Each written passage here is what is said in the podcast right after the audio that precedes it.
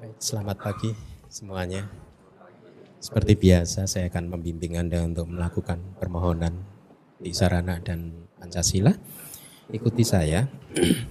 saya memohon saya memohon saya memohon supaya buah dari perbuatan buruk apa pun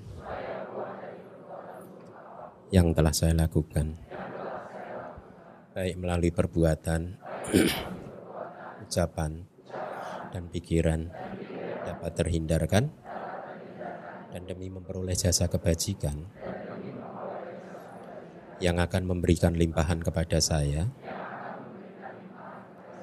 dengan umur panjang, kesehatan, kebebasan dari segala bahaya dan bencana. Saya merangkapkan kedua telapak tangan beranjali dan memberikan puja, menghormat dan bersujud penuh dengan kerendahan hati kepada Tiratana,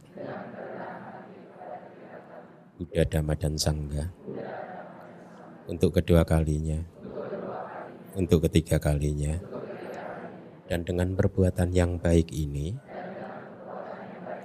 melalui sujud yang luhur, Semoga saya selalu terbebas dari empat alam menyedihkan, tiga jenis malapetaka, delapan jenis keadaan yang tidak tepat,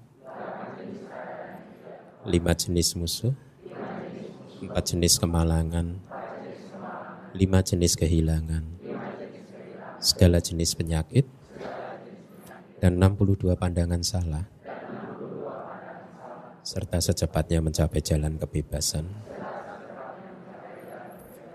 Maka buah, pala, dan dhamma mulia, yaitu nibbana. Ahang bante na saha panca silang damang ya cami Anugahang katwa silang teta. Me bhante. Dutiyampi ahang bhante. Ti saranena saha panca silang. Damang ya jami anugahang katwa silang teta. Me bante ampi. Ahang bante ti saranena saha. Panca silam. Damang ya jami anugahang katwa silang teta me bante. Yamahang wadami tang wadita Namo tassa bhagavato arahato. Sama sambuddhassa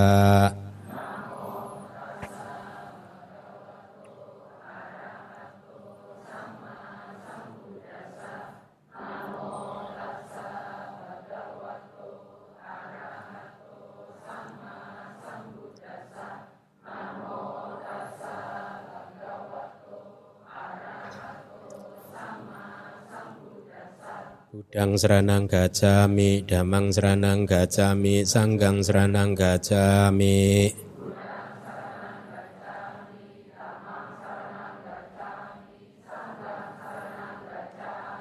Dutiampi budang seranang gajami, dutiampi damang seranang gajami, dutiampi sanggang seranang gajami.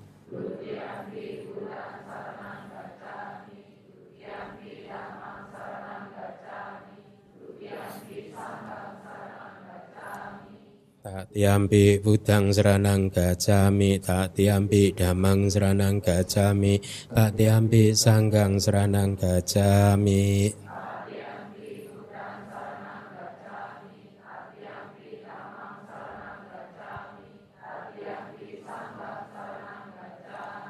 Tisarana ganang paripunang Anati pada wera manisika padang sama diami.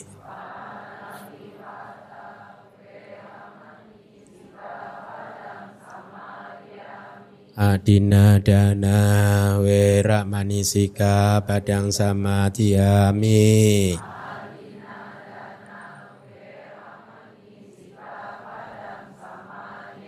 Anati pata wera manisika padang samadhiami Adina dana wera manisika padang samadhiami Kame sumi cacara wera manisika padang samadhiami Musawada wera manisika padang samadhiami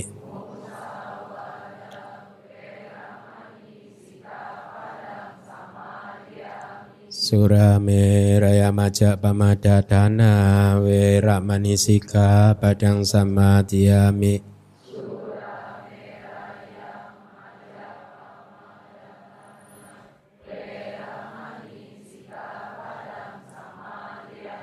Idang me punyang Asawakaya wahang. Hotu Idang me silang nibanasa pacayo hotu. Di sarana saha pancasila damang sadukang katwa pemadi nak sampatida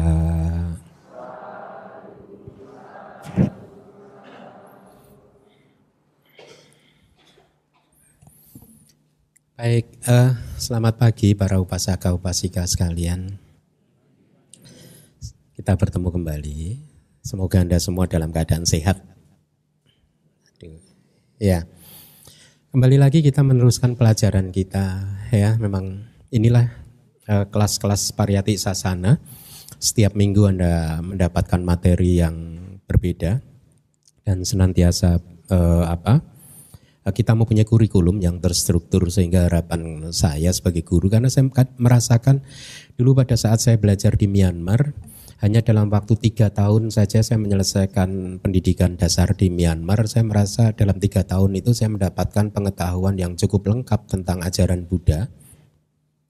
Sehingga kadang membuat saya itu uh, apa uh, ya kan tidak menyangka bahwa hanya belajar dalam waktu tiga tahun saja saya bisa mendapatkan pelajaran ajaran-ajaran yang sedemikian banyaknya sehingga pada saat saya bertugas di Singapura itu sering kali saya merenung bahwa ternyata apa yang sudah saya pelajari di Myanmar itu dampaknya cukup kuat. Hanya dalam waktu tiga tahun, bayangkan tidak dalam waktu yang lama gitu.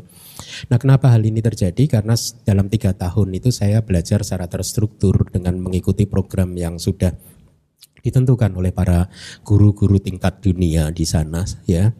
Nah belajar dari kenyataan itu, dari pengalaman tersebut, maka saya berpikir Dulu pada waktu saya masih tinggal di luar negeri, saya berpikir seandainya saja nanti saya diminta untuk mengelola wihara atau pusat pendidikan, maka saya akan mengelola dengan cara yang seperti itu. Dengan membuat satu kurikulum yang pasti, bagus, sehingga setiap minggu itu umat yang datang itu belajar sesuatu yang baru. Dengan demikian harapannya selama tiga tahun, lima tahun Anda belajar itu kemudian Anda mendapatkan pengetahuan yang cukup itu penambahan ilmu pengetahuan kita tentang dharma itu kadang tanpa kita sadari ya itu terjadi ya. Jadi seperti ibaratnya kita menanam pohon ya. Kalau kita menanam pohon tugas kita hanya menyirami saja memberi air setiap hari ya memastikannya untuk mendapat pupuk uh, dan sinar matahari yang cukup tapi tidak usah diperhatikan pohonnya ini tambah besar atau tidak gitu. Karena kalau Anda perhatikan tiap hari ini pohonnya udah berkembang belum, udah berkembang belum, Anda tidak akan mendapatkan kesan tersebut. Tetapi pada saat satu tahun, dua tahun Anda lihat kembali, Anda bandingkan dengan potret satu tahun atau dua tahun sebelumnya, Anda akan melihat perbedaannya. Pohonnya akan tumbuh besar, jauh berkembang. Nah pengetahuan juga seperti itu. Kalau Anda renungkan setiap hari, saya sudah tambah ilmunya atau belum, Anda tidak akan bisa menemukannya. Sampai kemudian setelah dua tahun, tiga tahun, eh ternyata hidup saya berubah ya. Ini salah satu dampak yang harus Anda harapkan dan harus terjadi. Ya. Harus terjadi bahwa hidup kita harus berubah. Dan dharma yang membuat kita berubah. Bagaimana dharma bisa membuat kita berubah? Ya, dharma memperbaiki cara pandang kita, memperbaiki persepsi-persepsi kita, memahami kehidupan dengan lebih positif dan lebih baik lagi. Dan dengan demikian tanpa kita sadari hidup kita menjadi makin ringan, makin berkualitas ya. Nah, inilah mengapa. Makanya di dalam kelas-kelas saya di DBS ini dengan kurikulum yang sudah kita tentukan, harapan saya Anda akan bisa maju terus menambah pengetahuan Dharma ya. Sehingga tiga tahun anda datang mengikuti saya katakanlah anda akan mendapatkan pengetahuan yang cukup lengkap tentang Buddhisme itu harapan saya ya. Nah, hari ini kita melanjutkan pelajaran kita dengan parami yang kelima yang disebut wirya. Wirya, eh, ada baiknya Anda mulai menghafal atau familiar dengan istilah-istilah Pali ya karena hal itu akan lebih bagus. Kenapa? Karena kalau Anda hanya menghafal terjemahannya bahasa Indonesianya, kadang satu guru menerjemahkan dengan kata yang berbeda sehingga Anda akan bingung juga. Maka kalau Anda mengetahui bahasa Palinya, kata aslinya itu akan lebih baik.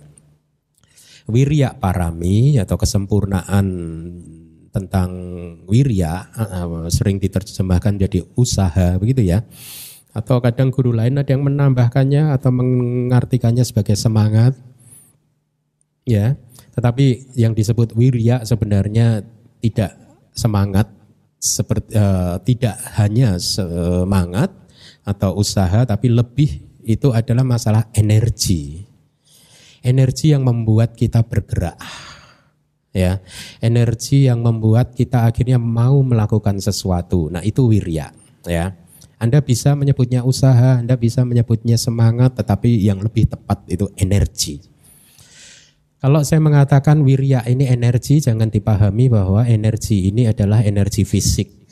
Ya wirya atau apa yang Anda kenal sebagai energi selama itu, selama ini, sesungguhnya bukan merupakan fenomena fisik Artinya fenomena fisik itu adalah kalau Anda setiap hari jogging ya, bergerak secara fisik atau ikut fitness, maka energi Anda menjadi semakin besar. Kenapa? Karena otot Anda menjadi makin kuat ya. Jadi karena otot makin kuat maka energi makin besar tidak. Ya, energi itu meskipun pada saat Anda berolahraga secara fisik energi Anda bertambah tetapi Anda harus memahaminya bahwa energi atau wirya itu adalah fenomena batin, fenomena mental, energi mental, bukan energi fisik ya. Jadi ini Anda uh, bedakan. Nah, saya tadi mengatakan energi ini berkaitan dengan usaha untuk melakukan sesuatu. Yang membuat Anda bergerak, yang Anda membuat Anda mau melakukan sesuatu, yang membuat Anda mau datang ke DBS, yang membuat Anda mau mendengarkan ceramah dhamma, yang membuat Anda mau bermeditasi, mau belajar eh, berusaha apa pun, itu yang disebut wirya. Apa pun itu, yang membuat kita bergerak itu wirya, gitu. ya energi. Nah, sayangnya yang disebut wirya ini bisa muncul dengan semua keadaan batin kita, hampir semua keadaan batin kita, ya. Kalau Anda yang sudah belajar abidama hanya uh, ada 16 dari 89 bentuk-bentuk mental atau kesadaran yang tidak disertai dengan wirya, tapi itu tidak penting buat Anda ya karena itu sangat teknis dan tidak begitu mutlak Anda harus mengetahuinya. Tapi yang harus Anda ketahui adalah energi atau wirya itu muncul bersama dengan hampir semua keadaan batin kita. Pada saat seseorang mau melakukan kejahatan, di sana pun ada energi. Pada, sese, pada saat seseorang mau marah, membenci seseorang, mengeluapkan dendam, itu pun juga ada energi. Jadi sekali lagi energi adalah sesuatu yang membuat seseorang akhirnya melakukan sesuatu sampai tujuannya itu tercapai. Kira-kira seperti itu. Itu energi ya. Kalau dia sedang bernafsu terhadap sesuatu, maka dia akan mengeluarkan segenap daya, upaya, usaha, energi untuk mendapatkannya. Itu wirya. Kalau dia sedang marah, maka dia akan meledakkan kemarahannya dengan tujuan ingin menghancurkan orang yang dimarahi. Kalau dia belum sakit hati, saya belum berhenti. Nah itu juga energi. Anda bayangkan kalau seseorang sedang marah, tujuan dia apa? Tujuan dia satu, pokoknya kamu harus sakit hati.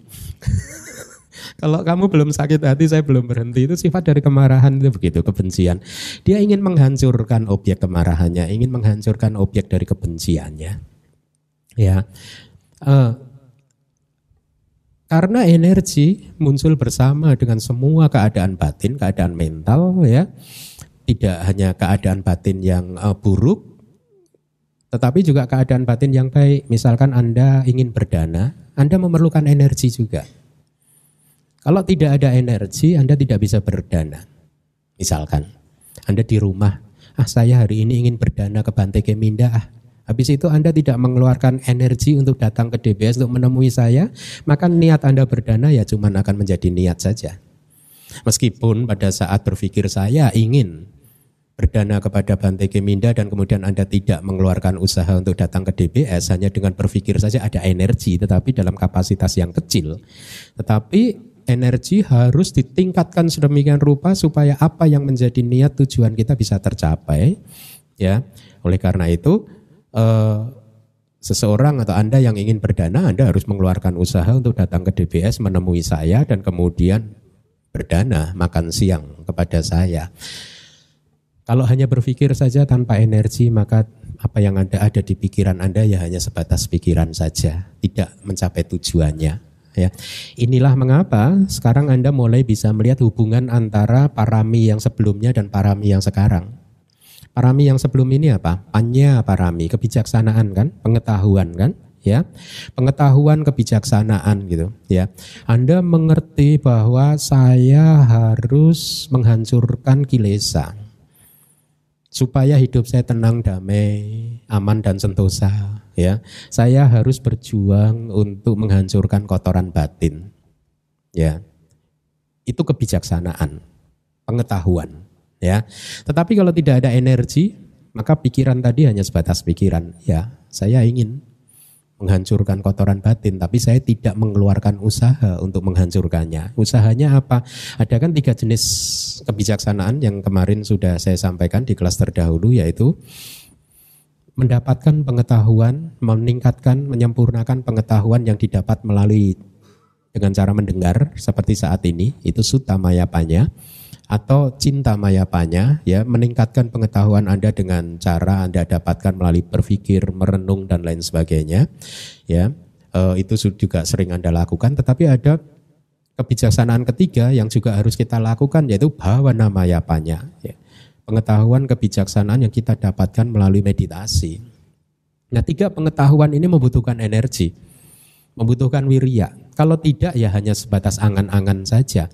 Inilah mengapa rumus di dalam parami ya selalu saja wirya yang ditempatkan di belakangan itu akan menyempurnakan dan memurnikan wirya yang ditempatkan sebelumnya. Paham? Wirya akan menyempurnakan panya. Wirya akan memurnikan panya. Panya supaya bisa berbuah besar, kebijaksanaan Anda supaya bisa berbuah besar, maka dia harus disempurnakan dan dimurnikan oleh wirya. Artinya setelah Anda belajar Tripitaka Anda tahu bahwa hidup ini berputar-putar.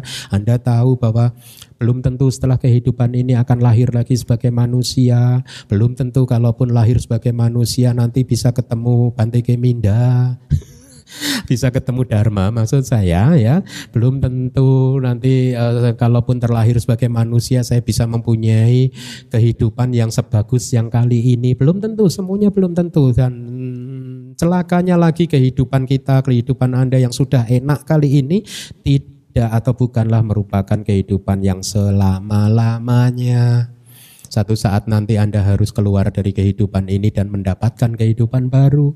Seperti ular kalau sudah tua dia ganti kulit. Kulitnya baru ya. Nah, e, mendapatkan satu kehidupan yang baru tetapi kehidupan yang ke depan itu tidaklah menentu. Hukumnya tidak seperti grafik yang naik makin naik saat ini Anda kualitasnya 70 maka setelah kehidupan ini akan naik menjadi 80 tidak selalu begitu kecuali Anda adalah sotapana kecuali Anda adalah seorang Arya maka grafiknya udah pasti dia naik cepat atau lambat maksimal tujuh kelahiran lagi Anda akan keluar dari samsara, keluar dari segala bentuk penderitaan. Tetapi selama kita ini masih putus jana, maka kehidupan ke depan tidak pasti dan oleh karena itulah di kehidupan yang saat ini kita harus berkembang. Ini yang sering saya tekankan bahkan kepada murid-murid saya. Saya sering kali merasa terharu atau dalam artian apa tergerak, tersentuh pada saat melihat manusia yang maaf-maaf ya tidak berkembang. Maaf ya, ada saja manusia yang tidak berkembang. Seumur hidupnya dia tidak berkembang. Tidak berkembang kebijaksanaannya, tidak berkembang kesabarannya, tidak berkembang cinta kasihnya, tidak berkembang kewelas asihannya, tapi sebaliknya, oh dia berkembang juga. Tapi yang dikembangkan yang sebaliknya, berkembang nafsunya, berkembang marahnya, berkembang dendamnya dan lain sebagainya. Manusia yang seperti ini adalah manusia yang hidup di neraka. Dan ingat hukum karma adil, kalau dia di saat ini saja sukanya hidup di neraka, ya setelah ini pasti akan diberikan neraka yang benar-benar ya karena kotoran batin emosi-emosi negatif itulah yang akan membuat seseorang itu terlahir di alam-alam yang penuh penderitaan. Nah kembali lagi. Kehidupan harus kita manfaatkan semaksimal mungkin supaya kita berkembang. Apa yang harus kita kembangkan? Ya salah satunya parami ini kesempurnaan ini ya. Kemampuan berdana anda harus anda kembangkan ya. E, kemampuan anda untuk menjaga, mengamalkan sila-sila Anda juga harus Anda kembangkan. Jangan hanya lima sila saja, ya. Atau bahkan ada hanya dua sila ya. Empat bantai empat, yang satu sih belum bisa. Sekali-sekali uposata, hari uposata Anda ambil delapan sila, ditingkatkan, dikembangkan. Ya.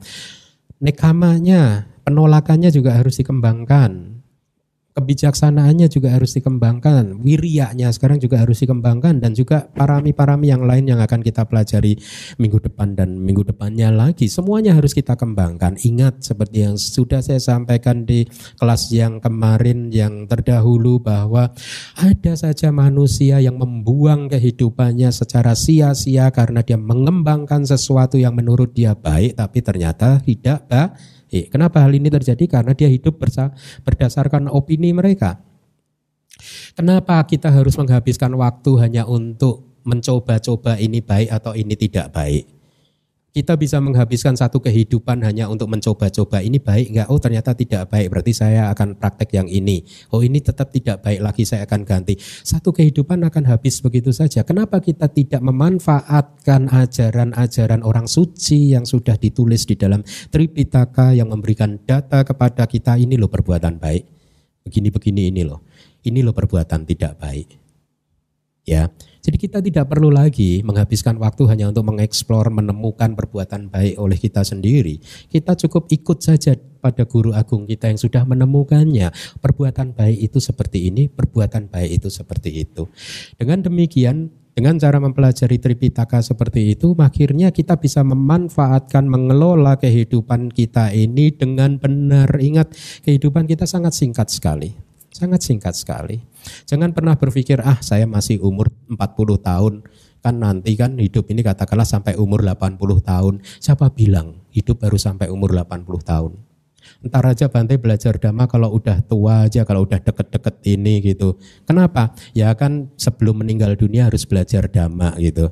Ingat, kalau untuk meninggal dunia tidak harus menunggu tua.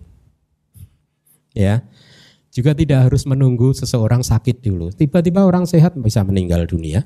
Hmm? Oleh karena itu, manfaatkan waktu yang sebaik-baiknya, kembangkanlah hal-hal yang baik, belajarlah dari para orang suci, ya, dan kita harus mempunyai sada kepada mereka, eh, pada mereka.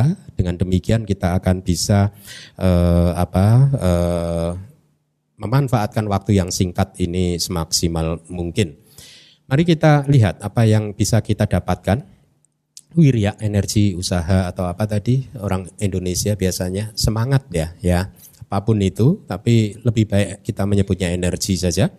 Dia menyempurnakan kebijaksanaan ya. Seperti yang tadi sudah saya sampaikan kalau tidak ada energi bagaimana Anda melakukan kebajikan? Untuk bisa duduk di sini saja mendengarkan dhamma, Anda membutuhkan wirya, membutuhkan energi. Kalau enggak, Hah? Kalau enggak gitu, Anda hanya duduk saja, tetapi pikirannya udah hmm. ya, makanya untuk bisa tetap berduduk tegak seperti Anda saat ini dan mendengarkan saya melihat ke arah saya itu ada energi yang Anda arahkan ke arah saya, ke arah suara saya untuk memperhatikan apa yang saya sampaikan. Nah, itulah energi, ya. Sebaliknya kalau tidak ada energi ya begitu tadi, ya. Uh, anda masih ingat yang menopang kepala kita ini untuk bisa tetap tegak seperti Anda saat ini apa? Hah? Leher, bukan mata. Kalau Anda nggak nggak nggak percaya, lihat masuk Transjakarta itu, orang kalau yang pejam mata mesti gini.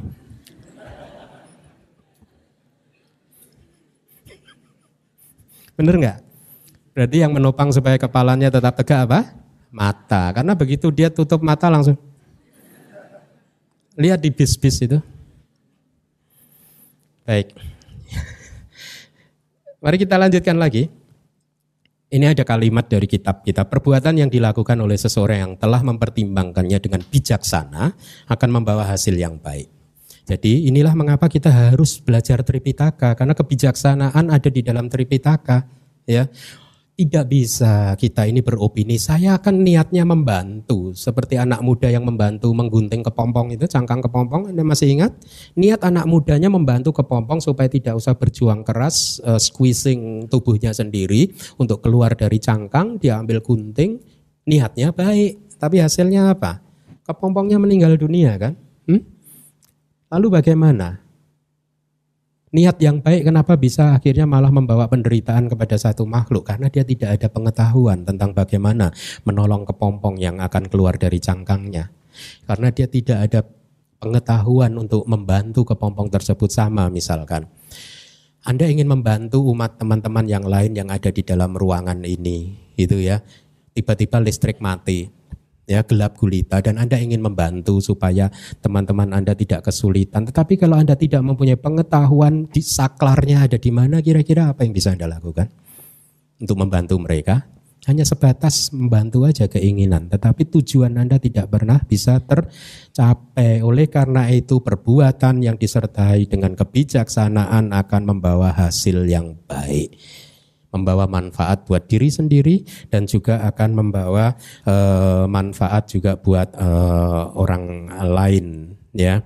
Jadi uh, yang berikutnya kita akan lihat ini di dalam teks saya sampaikan supaya Anda bisa lebih mengenali energi atau wirya itu seperti apa. Sifatnya atau karakteristik dari wirya itu menyokong, mengupayakan atau usaha. Ya, seperti yang tadi sudah saya sampaikan. Anda ingin berbuat baik, wirya akan menyokong supaya usaha Anda berhasil. Ya. Jadi usaha ini sering diterjemahkan wirya wira. Anda pernah mendengar kata Pali wira itu pahlawan, kepahlawanan gitu ya, gagah ber, gagah perkasa gitu ya. Seringkali wirya diterjemahkan sebagai semangat yang pantang menyerah. Ya, usaha yang gagah berani, tidak takut menghadapi apa pun. Pokoknya dia akan berjuang, ya. Tetapi sayangnya seperti yang tadi saya sampaikan, wirya muncul bersama dengan hampir semua bentuk pikiran, bentuk kesadaran. Tidak hanya untuk hal yang baik, tetapi wirya juga berlaku untuk seseorang yang ingin melakukan ucapan atau perbuatan atau pikiran yang tidak baik. Nah, dalam konteks parami, wirya hanya berlaku untuk energi yang kita arahkan untuk merealisasi atau melakukan hal-hal yang baik. Energi yang kita arahkan untuk melakukan hal yang tidak baik tidak bisa disebut sebagai parami. Kan mana ada? Oh, dia parami marahnya hebat loh Kesempurnaan membencinya hebat loh gitu. Yang disempurnakan bukan marahnya tetapi meta Ya, nanti di parami yang berikutnya ada meta parami. Cinta kasihnya yang kita sempurnakan, ya. Nah, e, karakteristiknya menyokong upaya kita supaya e, kita e, berhasil, ya. E, membuat kita menjadi pantang menyerah untuk melakukan perbuatan apa pun, ya. Tapi kalau kita berbicara tentang parami maka ini adalah pantang menyerah, gagah berani dalam melakukan uh, perbuatan yang baik saja ya. Nah, fungsi dari wirya itu adalah memperkuat dhamma yang muncul bersamanya. Artinya apa? Dhamma yang muncul bersamanya itu ya kira-kira seperti tadi. Anda ingin berdana kepada Bante Keminda, ya, maka wirya akan menopang keinginan Anda tadi supaya tidak roboh supaya tidak hanya menjadi angan-angan saja, supaya tidak menjadi keinginan saja, supaya keinginan tadi itu tidak hancur, maka wirya menopang. Makanya di dalam kitab-kitab komentar diberikan satu perumpamaan wirya itu seperti soko guru. Anda tahu soko guru? Di dalam rumah itu ada soko gurunya gitu. Ya atau kira-kira mungkin kalau gedung ini kolom-kolom ini yang membuat gedung ini tidak rubuh ya maka kolom-kolom penopang inilah yang disebut wirya supaya gedungnya tidak rubuh sama. Anda mempunyai niat baik supaya niat baik itu tidak hancur tidak rubuh tanpa pernah mencapai tujuannya maka wirya harus dikembangkan supaya dia bisa menyokong niat baik Anda sehingga akhirnya niat baik Anda tercapai. Itu wirya. Oleh karena itu pesan dari pelajaran ini apa setiap kali kita memiliki keinginan untuk melakukan perbuatan baik, selama kita sudah yakin bahwa ini perbuatan baik, maka kita harus mengeluarkan segenap daya dan upaya untuk melakukannya, untuk mengalahkan kemalasan itu. Seperti halnya Anda bermeditasi, ya. Oh, bangun jam 4 pagi susah bante gitu. Nah itu nggak ada wirya artinya masih malas. Wiryanya 0, sekian persen aja ya bangunannya roboh ya. Udah ada alarm udah dibunyikan jam 4 matiin lagi. Akhirnya menggunakan kebijaksanaannya kan. Waduh satu alarm ternyata nggak bangun juga kemarin. Dua alarm ya. Elo lelet besoknya jam 4 bunyi dimatiin yang satu, yang satunya kok masih bunyi lagi, dibuang. tetap aja tidak bangun. Karena apa? Karena energinya kurang, bangunannya runtuh. Ya, tidak mencapai tujuannya. Oleh karena itu kita harus membangkitkan tekad. Pandai-pandailah untuk memotivasi diri Anda sendiri. Pandai-pandailah untuk memotivasi. Motivasilah, ingatlah kehidupan kita tidak pasti, masa depan tidak pasti. Anda harus mampu memompa semangat Anda sendiri supaya Anda akhirnya tekun belajar, tekun berlatih tubuh ini akan menyesuaikan kalau Anda belum terbiasa bangun jam 4 pagi untuk bermeditasi, tubuh Anda cepat atau lambat akan menyesuaikan. Ya, tubuh ini sudah mempunyai kemampuannya sendiri untuk menyesuaikan dengan aktivitas kita gitu. Ya. Eh apa? Pada akhirnya ya saya bertahun-tahun tidur itu mungkin kalau malam itu rata-rata 5 jam. Bertahun-tahun ya. Sampai sampai hari ini lima jam saja. Tapi tidak tidak lemes juga karena udah terbiasa dan anda pun akan seperti itu itu ya. Jadi kembali lagi wirya di umpamakan seperti tiang ini yang akan menopang bangunan supaya tidak roboh. Ini hanya perumpamaan saja artinya kalau Anda mempunyai wirya maka semua yang Anda ingin lakukan biasanya akan Anda kejar dengan gagah berani pantang menyerah seperti pahlawan yang berjuang itu ya. Bangun jam 4 pagi. Bermeditasi. Ingat dulu bodhisatta pada malam sebelum mencapai penerangan sempurna setelah menerima persembahan makanan dari sujata ingat apa kata-kata beliau? Saya tidak akan bangkit dari tempat duduk ini ya sebelum mencapai penerangan sempurna. Meskipun tubuh saya tinggal apa? Uh, kulit daging dan otot gitu meskipun uh, daging dan darahnya mengering kira-kira begitu ya. Saya tidak akan bangkit sebelum saya mencapai penerangan sempurna. Nah Anda bisa adopsi tekad tersebut. Saya tidak akan bangkit. Maksud saya saya akan bangun jam 4 pagi untuk bermeditasi gitu. Gak apa-apa, pelan-pelan karena ini masalah kebiasaan. Kok jam 4 pagi bangun meditasi baru 30 detik udah Gak apa-apa tidur lagi gak apa-apa. Hari ini 30 detik, besok meningkat lagi. Kan sama sama kita dulu push up kan. Waktu push up dulu kita pertama hanya kuat lima kali kan, betul tidak? Setelah seminggu jadi 10 kali. Setelah sebulan jadi 15 kali. Akhirnya 100 kali juga bisa ya. Kan pelan-pelan lah, nggak apa-apa. Jam 4 bangun dulu. Ya, habis itu duduk hanya setengah menit nanti tidur lagi. Ya nggak apa-apa. Besok ditambah lagi. Itu. Huh? Mumpung loh, mumpung. Mumpung kita lahir jadi manusia dan kenal dhamma. Oh, jangan dibuang waktunya. Ada hal yang penting yang harus Anda lakukan. Nah, manusia ini kadang karena dia tidak disiplin mengatur waktu. Nggak ada waktu Bante buat meditasi. Siapa bilang nggak ada waktu buat meditasi? Oh? Anda pegang gadget, gadget itu sehari berapa jam? Hmm? Penting nggak itu? Oh, kadang kala malah pegang gadget, chatting malah melakukan karma buruk. Huh? Saya sedang menyempurnakan parami marah-marah Bante lewat WhatsApp. kan harus disempurnakan. ya. Jadi masalah pengaturan waktu, manajemen waktunya saja. Masing-masing dari kita sebenarnya punya banyak waktu kalau kita pintar dan disiplin untuk membaginya dengan baik. Buat jadwal harian jam 4 sampai jam 4.30 saya meditasi. Atau kalau terlalu pagi ya Anda tentukan jam 5 sampai jam 5.30. Terlalu pagi lagi jam 6 sampai 6.30 apa pun lah pokoknya meditasi setiap hari gitu ya. Disiplin ya.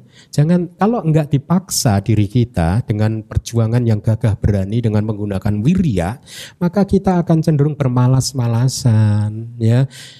Sifat batin orang yang belum tercerahkan itu akan cenderung lari ke hal yang tidak baik. Hmm? Itu batin manusia itu cenderung seperti lalat yang dicari kotoran Kalau kupu-kupu yang dicari apa? Bunga. Nah saya tanya kepada Anda, Anda lalat atau kupu-kupu? Anda sifatnya mencari bunga atau mencari sampah? Dilatih supaya menjadi kupu-kupu ya, yang dicari bunganya. Nah, itu tadi fungsi memperkuat damak yang muncul bersamanya, artinya begitu kita punya tekad, kita akan berjuang keras, gagah berani, ya pantang menyerah, ya tidak bermalas-malasan, sehingga akhirnya tujuan kita itu uh, tercapai, gitu. Kalau di bahasa Pali itu ada kata-kata kira-kira sama radang sabasang sampat titang mulang. Artinya apa? Usaha yang benar, ya itu sesungguhnya adalah akar atau sebab dari semua pencapaian spiritual. Ada istilah sama aradang, usaha yang benar. Ya. Nah, sekarang Anda harus tahu apa itu yang disebut usaha yang benar. Wirya yang benar itu bagaimana? Wirya yang diarahkan ke arah yang benar itu bagaimana? Wirya yang diarahkan ke arah yang benar adalah wirya atau usaha energi yang digunakan untuk empat hal ini. Satu, ya. Mencegah segala keadaan batin yang tidak baik atau bahasa sehari-harinya energi yang digunakan untuk mencegah semua emosi-emosi negatif yang belum muncul digunakan kita cegah supaya tidak muncul. Itu usaha benar. Kalau nafsunya saat ini kan nafsunya belum muncul kan maka kita harus mengeluarkan energi supaya nafsunya tidak muncul itu usaha benar. Nah caranya bagaimana? Menghindari hal-hal yang kira-kira menurut Anda bisa memunculkan nafsu. Dihindari, dijauhi. Ya, kalau Anda tahu, kalau Anda melihat sesuatu ini akan memunculkan nafsu Anda, maka ya dihindari dulu. Ya. Kemudian usaha yang benar yang kedua adalah kalau emosi negatif sudah muncul di batin kita, di pikiran kita, di arus permukaan pikiran kita, kita harus berjuang keras untuk bisa melepaskannya kembali. Itu usaha benar supaya akhirnya emosi itu tidak menguasai mencengkeram batin atau pikiran kita. Usaha benar yang ketiga adalah energi yang diarahkan untuk mengembangkan keadaan batin yang belum muncul dimunculkan. Seperti cinta kasih, kalau Anda belum memilikinya, kita latih supaya bisa muncul. Caranya bagaimana? Gampang ya nanti pada saat makan siang Anda datengin teman Anda satu-satu tatap bola matanya katakan dalam hati semoga kamu berbahagia. Udah Anda mengembangkan meta itu. Tatap bola matanya gitu. Satu-satu ada 400 300 berarti Anda 300 kali berlatih kayak 300 kali push up. Jadi kuat nanti metanya, ya tatap bola matanya. Nanti kalau ada yang melayani makanan buat Anda, ya tatap bola matanya. Terima kasih, semoga kamu berbahagia gitu. Kalau Anda lebih tinggi, dia lebih pendek, Anda gitu. Jadi Anda mengeluarkan usaha, semakin besar usaha yang Anda gunakan untuk menyempurnakan meta Anda, semakin efeknya semakin bagus ya. Jadi sama aradang sabba sang sampat hilang mulang itu usaha benar kalau usaha ini diarahkan ke arah yang benar, energi ini diarahkan ke arah yang benar, maka dia akan menjadi sebab atau akar dari semua pencapaian spiritual. Inilah energi yang dilakukan bodhisatta pada saat bertekad seperti tadi saya tidak akan bangkit dari tempat duduk saya sebelum mencapai penerangan sempurna meskipun tubuh saya ini tinggal kulit, tulang dan seterusnya gitu saya tidak akan bangkit. Ya. Kemudian usaha benar yang keempat adalah energi yang diarahkan untuk mengembangkan kualitas batin yang baik yang sudah muncul yang sedang muncul. Kalau saat ini meta Anda muncul, ya kita harus berjuang untuk terus mengembangkannya menjadi semakin besar, semakin besar. Kalau kesabaran Anda sudah sedang uh, sudah muncul, Anda harus berjuang untuk membuatnya makin kuat, makin kuat. Demikian pula dengan kualitas batin yang lain. Jadi Anda bayangkan, kalau energi ini kita arahkan secara benar berkaitan dengan empat hal yang tadi baru saja saya sebutkan, ya, maka tidak ada pencapaian spiritual yang tidak bisa dicapai. Itu kata-kata dari kitab kita. Tidak ada sesuatu yang tidak bisa dipakai, eh, dicapai kalau kita mempunyai usaha yang benar. Semuanya bisa dicapai. Ya, nah eh, selanjutnya manifestasinya tadi sudah sedikit saya singgung yaitu sifat dari kita yang pantang menyerah untuk apa e, mencapai tujuan. Jadi dengan demikian kalau kita arahkan ke arah yang benar maka energi akan mencegah munculnya kilesa, betul tidak? Kalau energi Anda kembangkan ke arah empat hal tadi menjadi energi yang benar, maka emosi negatif tidak akan pernah bisa menyerbu panca indera Anda. Tidak akan pernah bisa menghancurkan ketenangan dan kedamaian Anda untuk jangka waktu yang lama. Kalaupun ketenangan dan kehancur, kedamaian sempat hancur, akan sebentar saja kemudian akan lenyap kembali. Karena Anda menggunakan energi secara benar. Dengan menggunakan energi secara benar, empat hal tadi Anda praktekkan terus, kilesa tidak akan bisa menerobos melalui panca indera kita atau bahkan masuk di dalam hati kita. Tidak akan bisa.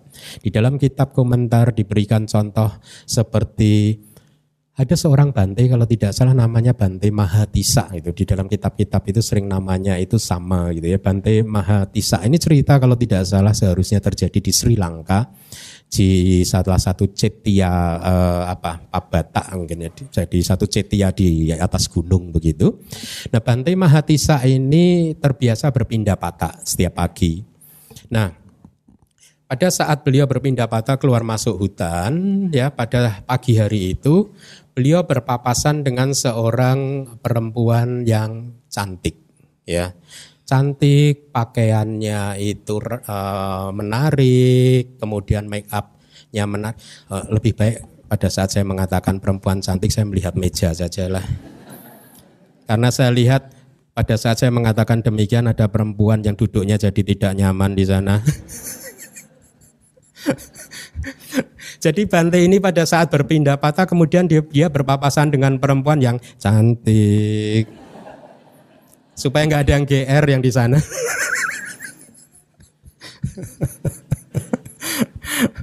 perempuan yang apa? Kebetulan perempuan ini sedang ada masalah dengan suaminya, ya dia berlari dari rumah mau lari dari suaminya. Pada saat dia berlari melihat Bante Mahatisa tadi dia tertegun. Langsung dia kayak bengong begitu melihat ke Bante Mahatisanya gitu. Ya saya lebih baik melihat ke atas saja deh.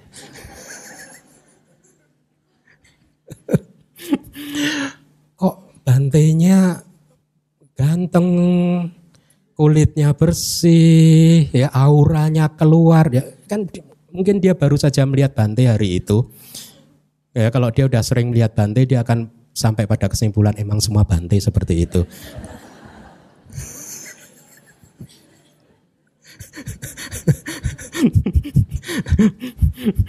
ya. Nah, dia kagum gitu. Kemudian dia menyeringai, tersenyum gitu. Tersenyum dengan mengeluarkan gigi-giginya yang putih, yang rapi begitu kan.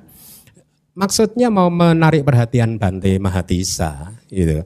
Tetapi apa yang dilakukan oleh Bante Mahatisa kemudian dia mengeluarkan energi wirianya ya untuk menjaga panca inderanya. Ya supaya tidak terjebak pada uh, apa uh, image tadi, gambaran tadi supaya tidak masuk ke panca indera sehingga akhirnya memunculkan kotoran batin. Apa yang dilakukan kemudian dia merenungkan objek perempuan tadi uh, dengan memanfaatkannya untuk bermeditasi asuba. Tidak indah, tidak cantik bahwa ini terdiri dari tulang belulang dan lain sebagainya begitu. Singkat cerita gara-gara bermeditasi seperti itu Bante Mahatisa di spot itu juga mencapai tingkat kesucian arahat. Sadu, ya. Masihlah akan goda para bante supaya jadi arahat. Ya. Kalau ketemu bante, Anda tersenyum menyeringai gitu.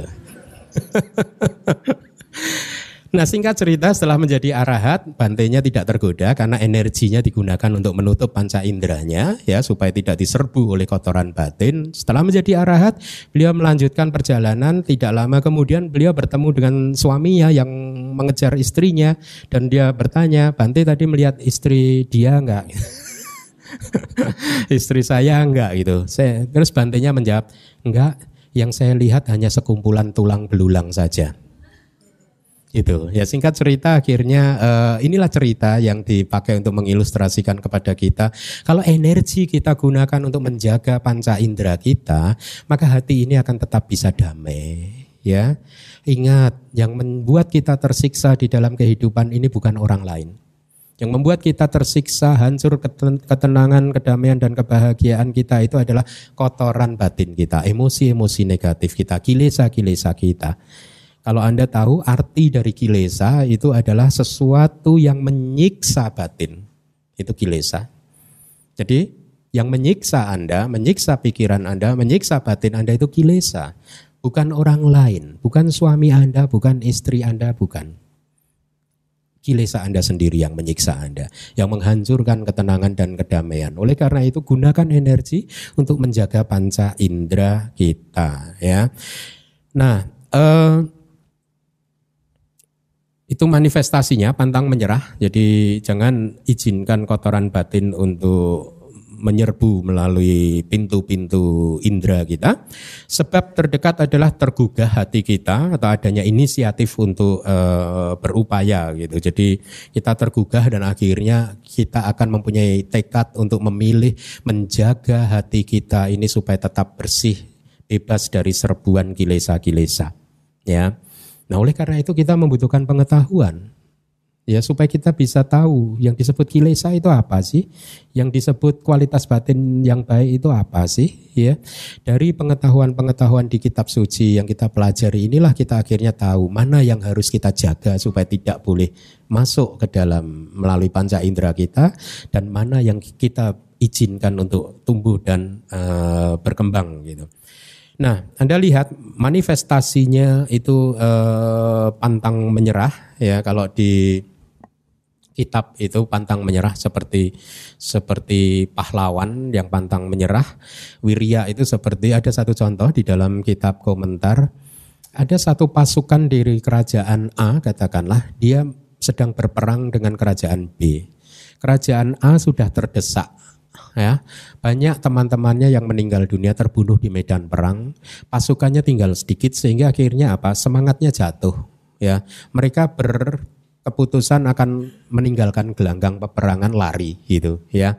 Tetapi kebetulan ada salah satu pasukan yang berinisiatif gitu untuk pulang ke kerajaan meminta bantuan raja untuk dikirim pasukan tambahan gitu ya Teman-temannya yang lain diberi pesan, kamu jangan mundur, tetap berperang. Saya akan minta bala bantuan tambahan gitu. Singkat cerita akhirnya raja mengirimkan bala bantuan tambahan. Begitu melihat bala bantuan tambahan maka semangatnya menjadi tumbuh lagi.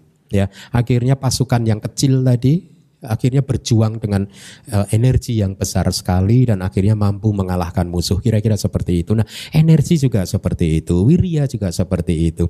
Kalau Anda merasa bahwa kemalasan sedang datang ya menguasai batin Anda, malas untuk belajar, malas untuk bermeditasi ya, Anda ingat ya bahwa pada saat itu Anda harus meningkatkan energi Anda ya supaya apa seperti pasukan tadi akhirnya bala bantuan datang dan dia bersemangat lagi. Nah, energi bisa dikembangkan dengan cara merenungkan seperti yang tadi saya sampaikan bahwa hidup kita ini tidak pasti, sangat singkat, besok belum tentu seperti ini ya. Dan Anda bayangkan kalau makhluk yang terlahir di neraka dia bisa hidup di sana selama bermiliar-miliar tahun berjuta-juta tahun lama sekali dan biasanya mereka yang sudah masuk ke alam yang bawah mereka akan kesulitan untuk naik ke atas. Rata-rata akan kesulitan untuk terlahir di alam yang atas. Mereka hanya akan berputar-putar di empat alam terbawah itu. Lahir di satu alam katakanlah di neraka selesai dari neraka lahir jadi binatang. Selesai jadi binatang lahir lagi jadi hantu dan seterusnya. Hanya berputar-putar di sana Ya, dengan merenungkan hal-hal bahwa saat ini saya mendapatkan kehidupan yang sangat beruntung, maka harusnya wirya kita akan tumbuh berkembang. Bahwa saya akan berjuang dengan pantang menyerah untuk menghalau semua eh, apa eh, kotoran batin supaya tidak menyerbu masuk ke, melalui panca indera kita. Nah, eh, kalau di dalam kitab kita kan ada Anda ingat nggak cerita kenapa Pangeran Siddhartha akhirnya meninggalkan kerajaan? Karena dia tergugah pada saat dia melihat empat tanda, beliau melihat empat tanda dari dewa, empat apa ya tanda dewa gitu ya e, melihat orang tua, orang sakit, orang mati dan pertapa dia tergugah gitu. Hmm? Nah kita udah melihat tiap hari nggak tergugah juga. tiap hari melihat di Facebook melihat di enggak tergugah juga. Harusnya kita tergugah ya untuk lebih uh, menjadi manusia yang baik. Nah, wirya itu kita bagi menjadi tiga tahapan. Ini juga sangat bagus sekali. Tahapan awal itu berupa aramba itu atau prakarsa tahapan awal atau inisiatif permulaan ya. Jadi tiga tahapan yang akan saya sampaikan ini supaya bisa menjadi parami maka tiga tahapan ini harus dikembangkan secara maksimal, secara sempurna gitu ya. Nah, tahap awal biasanya begitu ya namanya juga permulaan. Ya sama kan dulu waktu Anda berpacaran pertama lihat semangatnya menggebu-gebu kan? Betul tidak? Atau waktu pernikahan hari pertama dulu semangatnya menggebu-gebu gak? Huh? Antusias nggak? Setelah hari kedua? Masa saya bukan untuk membenci kondisi seperti itu, tapi begini, kita harus mengetahui ciri dan karakteristik dari segala sesuatu itu ada tahapannya. Tahapan awal, pertengahan dan tahapan akhir.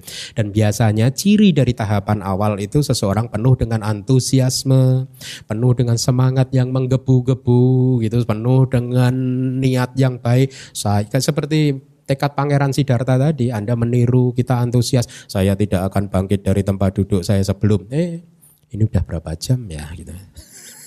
Baru 10 menit sudah mau bangkit kok lama ya udah besok aja dah. Jadi antusiasme yang muncul di awal itu bisa putus di tengah jalan. Nah, Anda harus kenali sifat itu. Biasa wirya pada saat dia muncul untuk melakukan perbuatan baik di masa-masa awalnya, antusiasme akan muncul menggebu-gebu. Semangat akan menggebu-gebu tetapi Anda kalau tidak ber, menjaganya dengan hati-hati, tidak waspada dengan wirya yang seperti itu bisa jadi wiryanya akan hancur di tengah jalan. Niat baiknya tadi tidak akhirnya tidak terlaksana, ya. Nah, pada saat wiryanya itu hancur atau putus di uh, tengah jalan maka ya gitu. Apa pun itu manisnya hanya di awal saja. Kenapa? Di tengah tidak manis, di akhir tidak manis karena kita gagal menjaga energi kita untuk tetap stick pada tujuan, untuk tetap ingat pada tujuan bahwa saya akan berjuang untuk mencapai tujuan saya. Apa pun rintangannya saya akan terus uh, berjuang untuk mencapainya gitu. Nah, tahapan yang kedua adalah nikama tahap pertengahan itu membutuhkan ketahanan, kedisiplinan ya. Pada saat semangat sudah mulai mengendor ya karena banyak gangguan, pikiran-pikiran yang lain masuk, maka Anda memerlukan kedisiplinan. Ya katakanlah dalam hal meditasi, saya akan terus bermeditasi setiap pagi jam 5 pagi. Dan Anda berjuang untuk merealisasi itu setiap jam 5 pagi Anda bangun dan bermeditasi maka ini termasuk dalam kedisiplinan. Ketahanan ketahanan dari godaan. Seringkali di tengah jalan kita digoda oleh teman kita ya. Teman yang tidak sejalan dengan tujuan kita mencoba datang menggoda mempengaruhi kita dan akhirnya kita terpengaruh. Ada kan? Seseorang yang tadinya baik ya sejak kecil baik, sejak muda baik gitu. Awal datang ke wihara baik, tetapi begitu ke, berteman dengan orang yang salah, akhirnya berubah.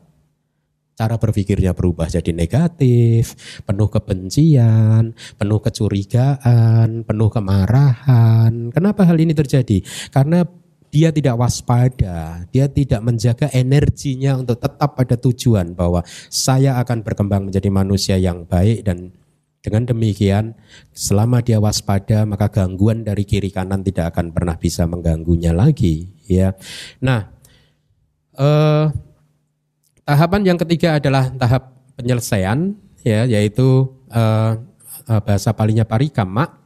Ya. Tahap ini muncul pada saat semua kesulitan berhasil dilewati, semua rintangan berhasil dilalui, ya. Maka eh, dengan oh belum ya Nih tahap penyelesaian. Ya, jadi dengan melewati semua rintangan, akhirnya tujuan kita terlaksana.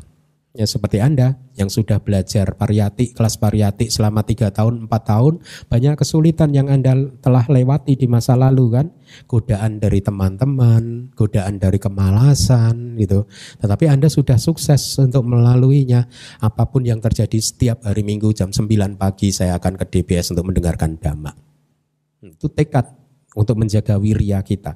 Tidak ada apa pun yang bisa uh, apa mengganggu program saya ini. Ya, apa pun akhirnya segala sesuatu yang kira-kira akan mengganggu tujuan kita akan kita singkirkan, tidak kita dengarkan dan kita terus berjalan sesuai dengan eh, program-program kita gitu. Nah, ini tiga hal yang baik juga yang harus Anda ketahui. Kama itu karma Anda, Ya, wirya itu energi, panya itu kebijaksanaan. Tiga hal ini harus bekerja bersama-sama, harus dikembangkan secara bersama-sama. Maksudnya apa? Maksudnya seperti ini. Anda hidup tidak bisa hanya mengandalkan karma saja. Ya, oh saya sudah banyak melakukan hal yang baik itu ya. Kemudian uh, akhirnya tidak berusaha apa pun, ya pasrah, ya tidak ada wirianya, tidak mencoba untuk mengembangkan kebijaksanaan karena terlalu percaya diri bahwa saya sudah banyak melakukan karma baik, maka pasti hidup saya akan damai, sejahtera dan bahagia selama-lamanya. Tidak. Kalau Anda hanya mengandalkan karma saja, maka ini tidak ada bedanya dengan teori tentang takdir. Segala sesuatu yang sudah ditentukan dari masa sana, dari masa yang lampau, yang sudah akan membentuk kehidupan Anda. Tidak. Ada dua faktor yang lain yang harus Anda juga terapkan adalah energi, usaha, wirya, dan juga kebijaksanaan. Jadi karma bukan segala-galanya. Masih ada energi dan kebijaksanaan yang juga harus dikembangkan. Pada suatu hari, ada tiga ekor ikan yang bersahabat hidup di satu danau yang tenang, jernih gitu. Ikan pertama bernama ikan karma. Ikan yang kedua bernama ikan wirya. Ikan yang ketiga bernama ikan panya. Mereka adalah sahabat. Ya sejak kecil sampai hari itu mereka tidak pernah terpisahkan. Pada hari itu, di hari Minggu pagi yang cerah, mereka bertiga melihat ada nelayan. Nelayan datang menghampiri danau dengan membawa jala. Singkat cerita jalannya udah ditebar, mereka bertiga tidak sempat melari untuk meloloskan diri dari uh, jebakan jala tadi. Dan mereka akhirnya terperangkap di dalam jala. Untuk jangka waktu beberapa saat mereka terperangkap. Tetapi ikan kedua yang bernama ikan wirya, ya energinya besar tenaganya besar. Akhirnya dia mengeluarkan segenap daya upayanya untuk merobek jala tadi. Singkat cerita akhirnya jalannya tadi sobek cukup besar dan ikan wirya pun meloloskan diri aman. Ikan ketiga yang bernama ikan panya, pengetahuan, kebijaksanaan. Dia tahu, heh ada lubang jala besar di sana. Akhirnya dia gunakan kebijaksanaannya, dia berenang ke sana dan keluar dari jebakan jala memanfaatkan lubang besar yang disobek oleh ikan wirya. Ikan pertama yang bernama ikan karma. Dia berpikir, seumur hidup sejak saya mengenal Dharma, saya sudah belajar Dhamma. Setiap hari Minggu datang ke DBS, mendengarkan ceramah-ceramahnya Bante Keminda, belajar abidama, meditasi juga rutin. Saya pasti aman. Akhirnya apa? Dia pasrah saja, tidak mengeluarkan usaha, tidak menggunakan kebijaksanaannya karena dia yakin dia pasti akan aman, tentram dan damai. Apa yang terjadi? Setelah itu dia pindah habitatnya dari danau yang jernih ke restoran di Taman Palem sana. Jadi karma, wirya, dan panya harus dikembangkan. Tidak cukup hanya melakukan karma baik saja, tetapi kebijaksanaan dan wirya juga harus dikembangkan karena ketiganya ini adalah kunci keberhasilan. Di dalam kitab sering dikatakan karma adalah benihnya, wirya adalah tanahnya, panya adalah airnya. Benih yang ditanam di tanah yang disebut wirya dan diberi air panya, maka benih tadi akan tumbuh subur dan berbuah. Kalau Anda sudah melakukan karma baik, Anda harus tetap memastikan bahwa karma baik Anda dilakukan di ladang tanah yang baik, yaitu dengan usaha yang benar, kemudian dengan menggunakan kebijaksanaan ya bahwa ini benar-benar adalah karma baik ya. Anda harus merawatnya supaya apa karma baik tersebut akhirnya bisa uh, tumbuh dan berkembang. Berikutnya kita hati-hati. Kita semua itu mempunyai deposito karma baik maupun karma buruk yang sudah tidak terhitung jumlahnya. Benih karma baik dan benih karma buruk. Masing-masing di arus batin pikiran kesadaran Anda itu sudah ibaratnya tertanam jumlah benih-benih karma baik yang Anda lakukan di masa lalu tidak terhitung jumlahnya. Tetapi sebaliknya juga sudah tertanam benih-benih karma buruk yang kita lakukan di masa lalu juga jumlahnya sudah tidak bisa dihitung saking banyaknya. Karena kita sudah berada di dalam samsara ini sejak awal yang sudah tidak bisa ditemukan lagi karena saking lamanya ya. Jadi semua deposito karma baik dan karma buruk saat ini ada di arus batin kita sedang menunggu saat yang tepat. Sedang menunggu musim yang tepat untuk berbuah. Ini musim mangga maka mangganya buah. Ini musim pepaya maka pepayanya yang akan berbuah. Musim jambu maka buah jam, benih jambunya yang akan berbuah. Ya, hati-hati karena kita semua mempunyai deposito karma baik dan karma buruk ya, maka kita harus memastikan hanya karma baik saja yang berbuah. Caranya bagaimana? Dengan menyirami karma baik tersebut. Salah satunya adalah dengan mempunyai kalyana mita seperti ini. Jadilah satu kalyana mita ya satu kelompok yang saling mendukung supaya masing-masing uh, dari Anda bisa mengembangkan jalan mulia berunsur delapan. Jadilah teman yang baik, sahabat yang baik ya. Kalau tidak ketemu sahabat yang baik bagaimana? Buddha mengatakan di dalam salah satu suta, seandainya di dalam kehidupan ini kita tidak bisa menemukan kawan yang baik, yang bermoral, yang mempunyai standar moral yang baik, Buddha bahkan menasihati kita untuk lebih baik hidup sendiri.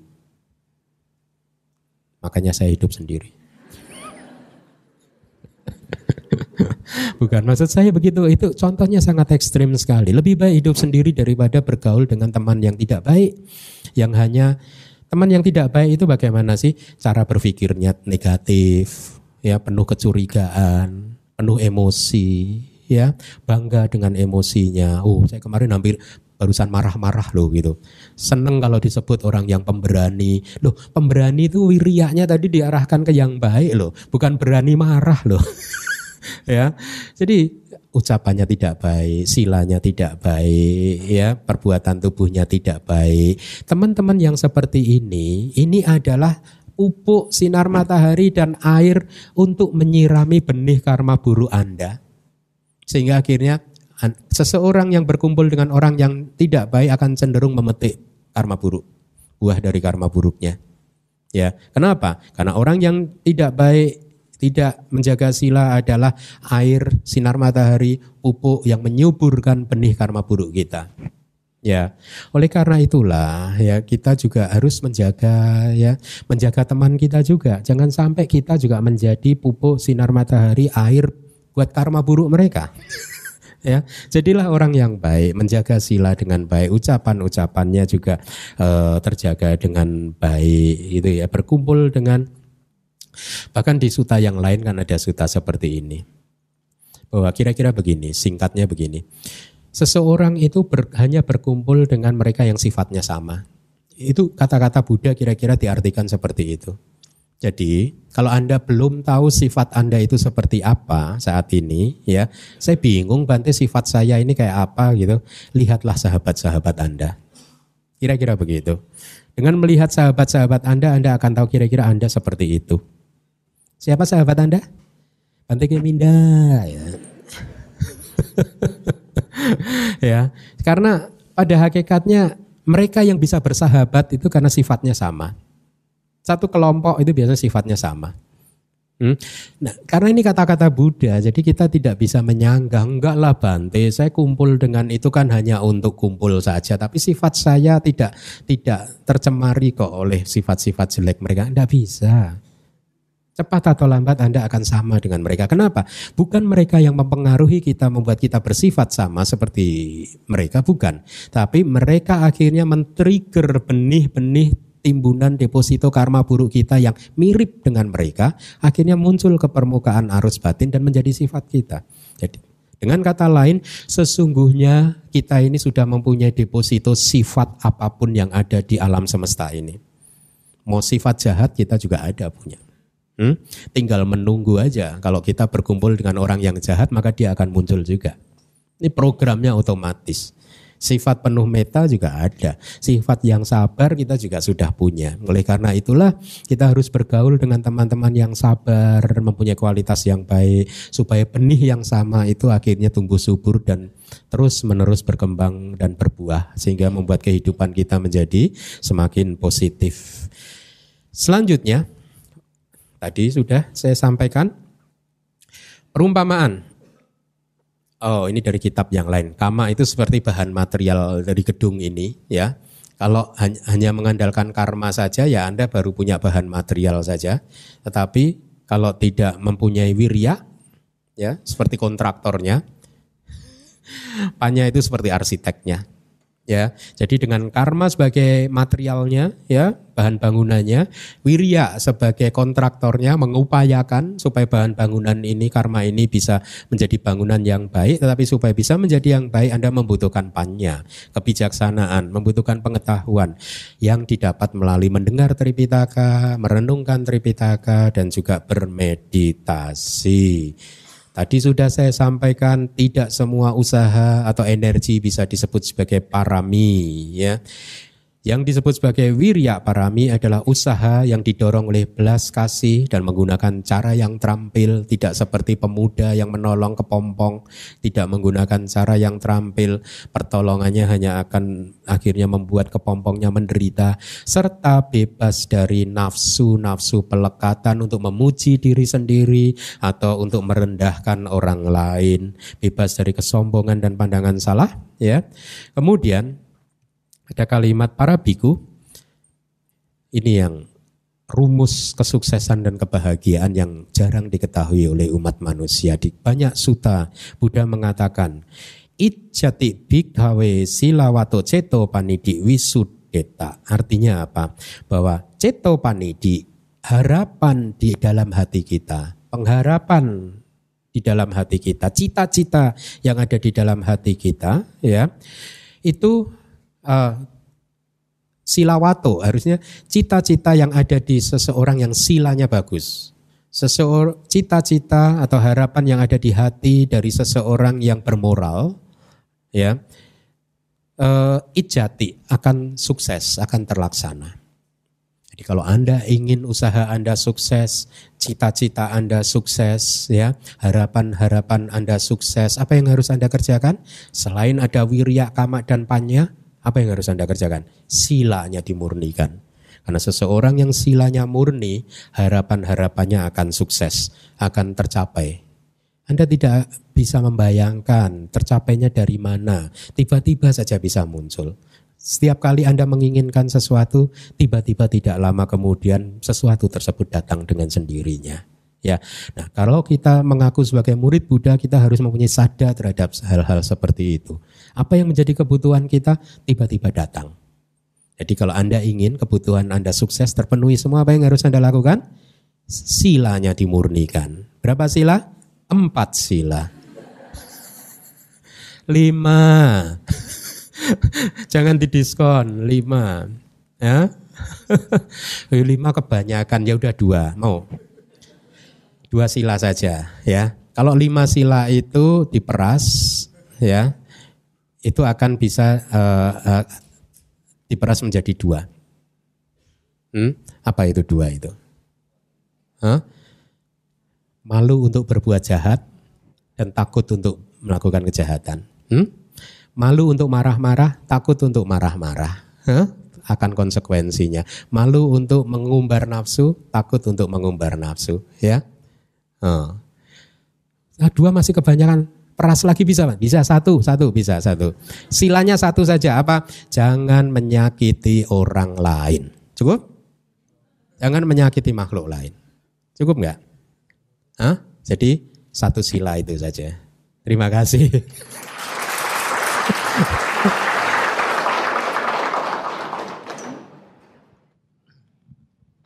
Uh, selamat siang Bante. Sebelumnya saya pengen ngucapin terima kasih banyak karena uh, selama ini saya Buddhism dari kecil baru baru pernah mendengarkan Tripitaka secara komprehensif dari Bante dan cukup terinspirasi untuk mengejar sotapana walaupun wirianya masih kecil banget di YouTube hilang. Jadi uh, pertanyaan saya adalah uh, bagaimana seseorang itu bisa tahu bahwa dia sudah mencapai sotapana, adagami atau uh, arahat? Apakah dia hanya mengklaim dirinya sendiri, wah saya sudah sotapana nih, atau bagaimana caranya siapa yang menentukan? Nah pertanyaan berikutnya adalah uh, alam untuk seorang sotapana kan masih ada tujuh kelahiran lagi ya. Kalau saya tidak salah uh, hanya anagami yang mempunyai alamnya sendiri ya atau anagami ke atau mana saya lupa. Nah seorang sotapana itu kan belum uh, dia akan terakhir di alam mana di tujuh kehidupan itu dan uh, sebagaimana pastinya seorang sotapana itu di kehidupan berikutnya dia akan selalu mengenal dhamma dan uh, melanjutkan perjalanannya seperti itu Bante.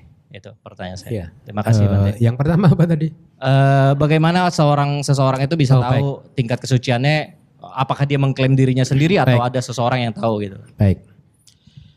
Seseorang yang mencapai tingkat kesucian tidak membutuhkan orang lain untuk memberitahunya. Satu. Ya. Dia akan merealisasinya sendiri oleh karena itu realisasinya muncul melalui istilahnya maga nyana. Nyana itu pengetahuan, maga itu jalan. Ya, jadi ada pengetahuan yang muncul bersama dengan jalan, kesadaran jalan. Ada pengetahuan di sana. Karena ada pengetahuan, maka dia tahu bahwa dia sudah mencapai ya. Dan biasanya setelah seseorang mencapai tingkat kesucian, keluar pada saat mencapai tingkat kesucian dia merealisasi nibana ya batin kesadarannya mengambil objeknya nibana. Saat ini batin Anda mengambil objek wajah saya atau suara saya kan. Pada saat seseorang mencapai sotapana, batinnya objeknya nibana. Ya, tidak objek yang lain. Pada saat dia keluar dari nibana, dia akan melakukan perenungan. Ya, secara otomatis dia akan melakukan lima perenungan kalau dia sotapana. Perenungan yang pertama adalah dia akan melihat dia telah menghancurkan kilesa apa saja, belenggu apa saja yang sudah dihancurkan gitu. Kemudian dia akan merenungkan melihat belenggu apa yang masih tersisa yang perlu dihancurkan gitu. Kira-kira seperti itu ya. E, kemudian ya ada lima perenungan, saya agak lupa yang lainnya lagi. Jadi poinnya adalah dia tahu, dia tidak membutuhkan klaim dari orang lain, dia tahu dari pengetahuan dia sendiri itu ya bahwa dia adalah seorang sotapana. Seorang sotapana tidak akan beragama lain. dia tidak akan menjadi murid agama lain. Tidak akan. Ya, tidak akan menjadi kalau di dalam dalam kitab komentar itu tidak akan menjadi murid dari guru lain, istilahnya begitu. Jadi tidak akan menjadi murid dari guru selain Buddha atau Buddhisme. Jadi seandainya seorang sotapana mencapai tingkat kesucian sotapana di kelahiran kali ini, kemudian dia terlahir lagi keesok uh, di kehidupan berikutnya, kebetulan dia terlahir di keluarga misalkan yang tidak mengenal dharma, ya, atau keluarga yang menganut keyakinan yang berbeda, akhirnya karena tradisi dia ikut keyakinan dari keluarganya, ya. Tapi dia cepat atau lambat dia akan menyadari dan dia akan keluar dari sana. Itulah dikatakan di dalam kitab komentar bahwa seorang sotapana tidak akan pernah bisa menjadi murid dari guru lain. Dia akan terus kembali ke dharma terus. Itu. Seorang sotapana tidak akan pernah bisa melanggar lima sila. Ada yang seumur hidup nggak melanggar lima sila? Hah? Ayo. Nggak ada satu. Berarti belum semua. Dia tidak bisa melanggar lima sila. Meskipun diiming-imingi apa pun, diiming-imingi apa, emas, permata atau apa pun, dia tidak akan pernah mau melanggar. Dia akan selalu menegakkan kebenaran. Dia adalah orang yang sangat jujur terhadap uh, dharma. Dia akan hidup sesuai dengan dharma. Itu. Itu ciri-ciri seorang sotapana. Kemudian ciri yang lain adalah uh, uh, seandainya saja ya ada seseorang yang mengajarkan non dharma kepada dia dan mengatasnamakan ini adalah dharma di kitab ini tapi dia tetap saja tidak akan melakukannya. Kalau dia tahu bahwa ini adalah bukan dharma gitu. Artinya bukan dharma itu adalah sesuatu yang kalau dipraktekkan akan menyakiti diri sendiri atau menyakiti orang lain. Dia tetap saja tidak percaya bahwa ini adalah dhamma atau ajaran Buddha. Ciri yang lain maksimal tujuh kali kelahiran lagi, dia akan keluar dari samsara. Dalam teks dikatakan, buat seorang sotapana tidak ada kelahiran yang ke-8. Artinya maksimal tujuh kali. Meskipun ada tiga jenis sotapana tiga jenis sotapana yang satu kolang kola itu sotapana yang akan terlahir dari satu keluarga yang baik ke keluarga baik yang lain gitu. Ada yang disebut eka biji, seorang sotapana yang akan terlahir satu kali lagi saja ya. Ada yang disebut sotapana satu satu satu kata parama satu ya satu kata parama maksimal tujuh kali kelahiran lagi. Ya, uh, jadi tiga jenis sotapana ini. Ya, kembali lagi terhadap pertanyaan yang pertama, maka dia akan tahu sendiri, tidak membutuhkan statement dari gurunya orang lain, dan dia tidak akan mengucapkan statement yang false, yang keliru. Kenapa? Karena dia sudah tahu dengan kualitas-kualitas yang tadi saya sebutkan. Dia tahu bahwa ada belenggu yang sudah hancur, ada belenggu yang belum hancur gitu. Dia tahu. Ya, dia tidak akan melanggar lima sila. Ya, dengan ciri-ciri kualitas tadi eh, apa? Maka klaim. Tapi biasanya sotapana tidak mengklaim. tidak ada klaim apa pun. Orang suci biasanya tidak mengklaim dirinya sendiri.